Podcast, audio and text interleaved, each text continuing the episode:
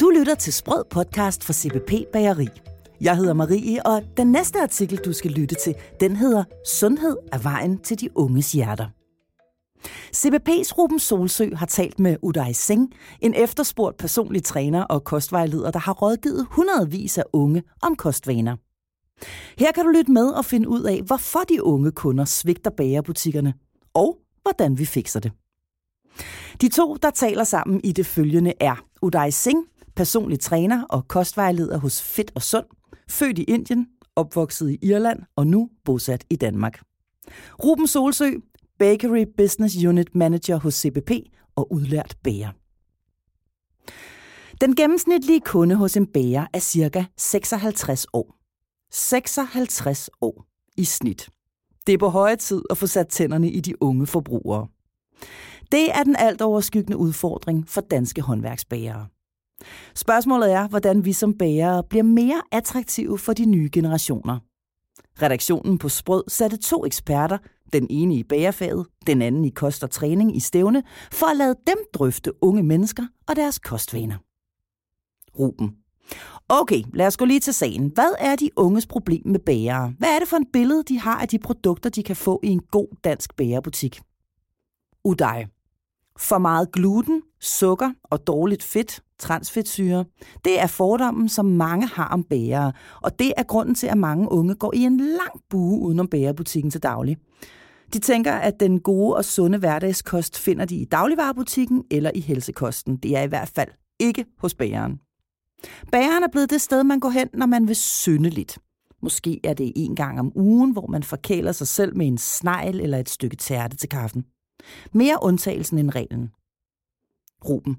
Men det er jo trist, hvis bageren er ved at glide ud af hverdagen for de unge kunder. Vi kan jo ikke leve af at sælge én snitte om ugen per kunde. Hvad er det, der sker blandt de unge, når det drejer sig om kosten? Uday. Når jeg snakker med dem, jeg vejleder i fitnesscenteret, er det tydeligt, at de er meget optaget af deres kost. De har forstået, at deres helbred og velbefindende hænger sammen med, hvad de spiser. De fortæller måske, at de døjer med hovedpine eller maveproblemer, og de søger svaret i kostomlægninger. Så kosten er blevet et instrument for de unge til at blive bedre udgaver af dem selv. De er klar til at ændre og justere på det, de spiser. Ruben. Det er interessant. Men hvad er det så, de unge betragter som sundt? Hvad er det, de spejder efter, når de er på indkøb og skal sammensætte den gode hverdagskost til sig selv? Uday. Der er to overordnede pejlemærker for den kostbevidste unge. Højt proteinindhold og lavt sukkerindhold. Hvis man kan sætte flueben ved disse to kvaliteter, er den pågældende fødevare blevet nomineret til en plads i indkøbsnettet. Derudover vil nogen måske også gerne have, at varen er økologisk, uden kunstige sødemidler eller uden gluten. Men som bager kommer man generelt rigtig langt med det enkle princip, højt på protein og lav på sukker. Ruben. Jamen, det er jo til at arbejde med. Men hvad synes du kunne være gode produkter for en bager? Hvad kunne lokke dig og dem, du træner ind i en bagerforretning? Udej. Mange af os planlægger dagens kost rundt om træningen. Det betyder, at vi tænker på, hvad vi skal spise før træning og igen bagefter. Det er ikke det samme. Vi vil gerne have masser af protein, før vi rammer løbebåndet, bænkpresset eller yogamotten, og kun lidt sukker. Efter træningen er der tæret på energidepoterne, og her må der gerne være lidt flere kulhydrater, for eksempel lidt sukker i kosten. Det ville være cool, hvis min bager tilbød muffins eller pandekager bagt med masser af protein, for eksempel ved at tilsætte kikærtemel til dejen og kun lidt sukker. Og måske en skål skyr med mandler og bær. Det vil jeg helt klart gå efter tidligt på dagen. Senere, når jeg har trænet vil smoothien og den fyldige salat lukke.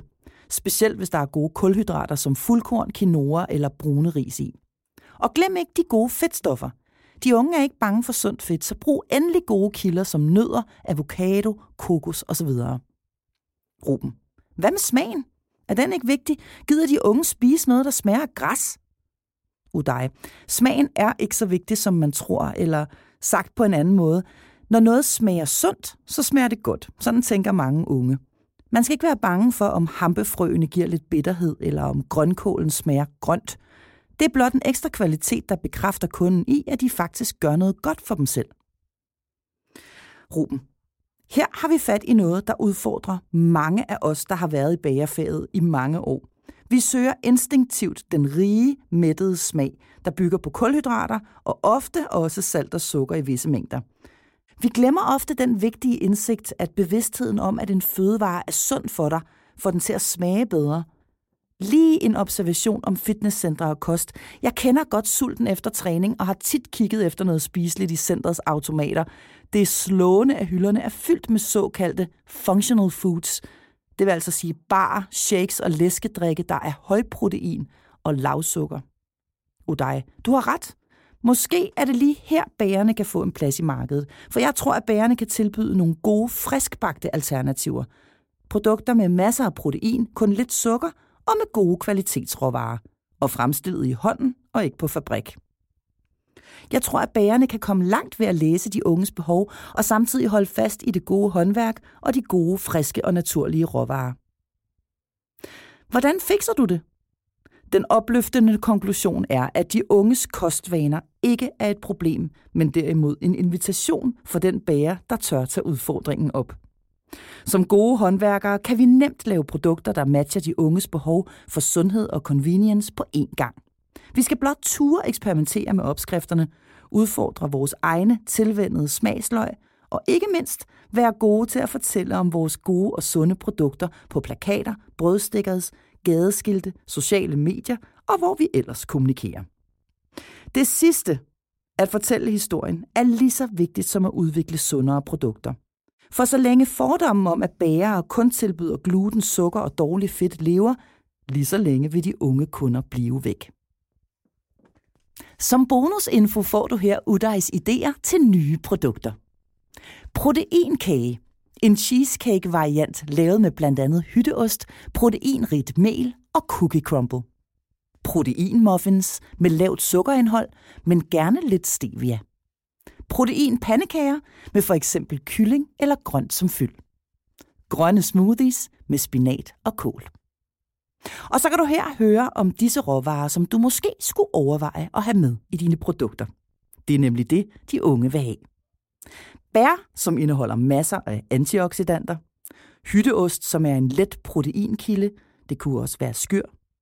Hamp, hirse, kikærter og linser. Der er ingen gluten i, og det er gode proteinkilder. Rødbeder, som er gode inden træning og udvider blodkarrene, Kål, helst råt, Koger man eller opvarmer man kål, ja, så mister det nemlig en hel del næringsværdi. Nødder, for eksempel mandler og valnødder, de indeholder massevis af gode fedtstoffer. Og endelig er naturlige sødemidler med lavt kalorieindhold også noget for de unge. Det kunne for eksempel være stevia. Du har lyttet til Sprød Podcast. Jeg hedder Marie, og denne her podcast er produceret af Bauer Media.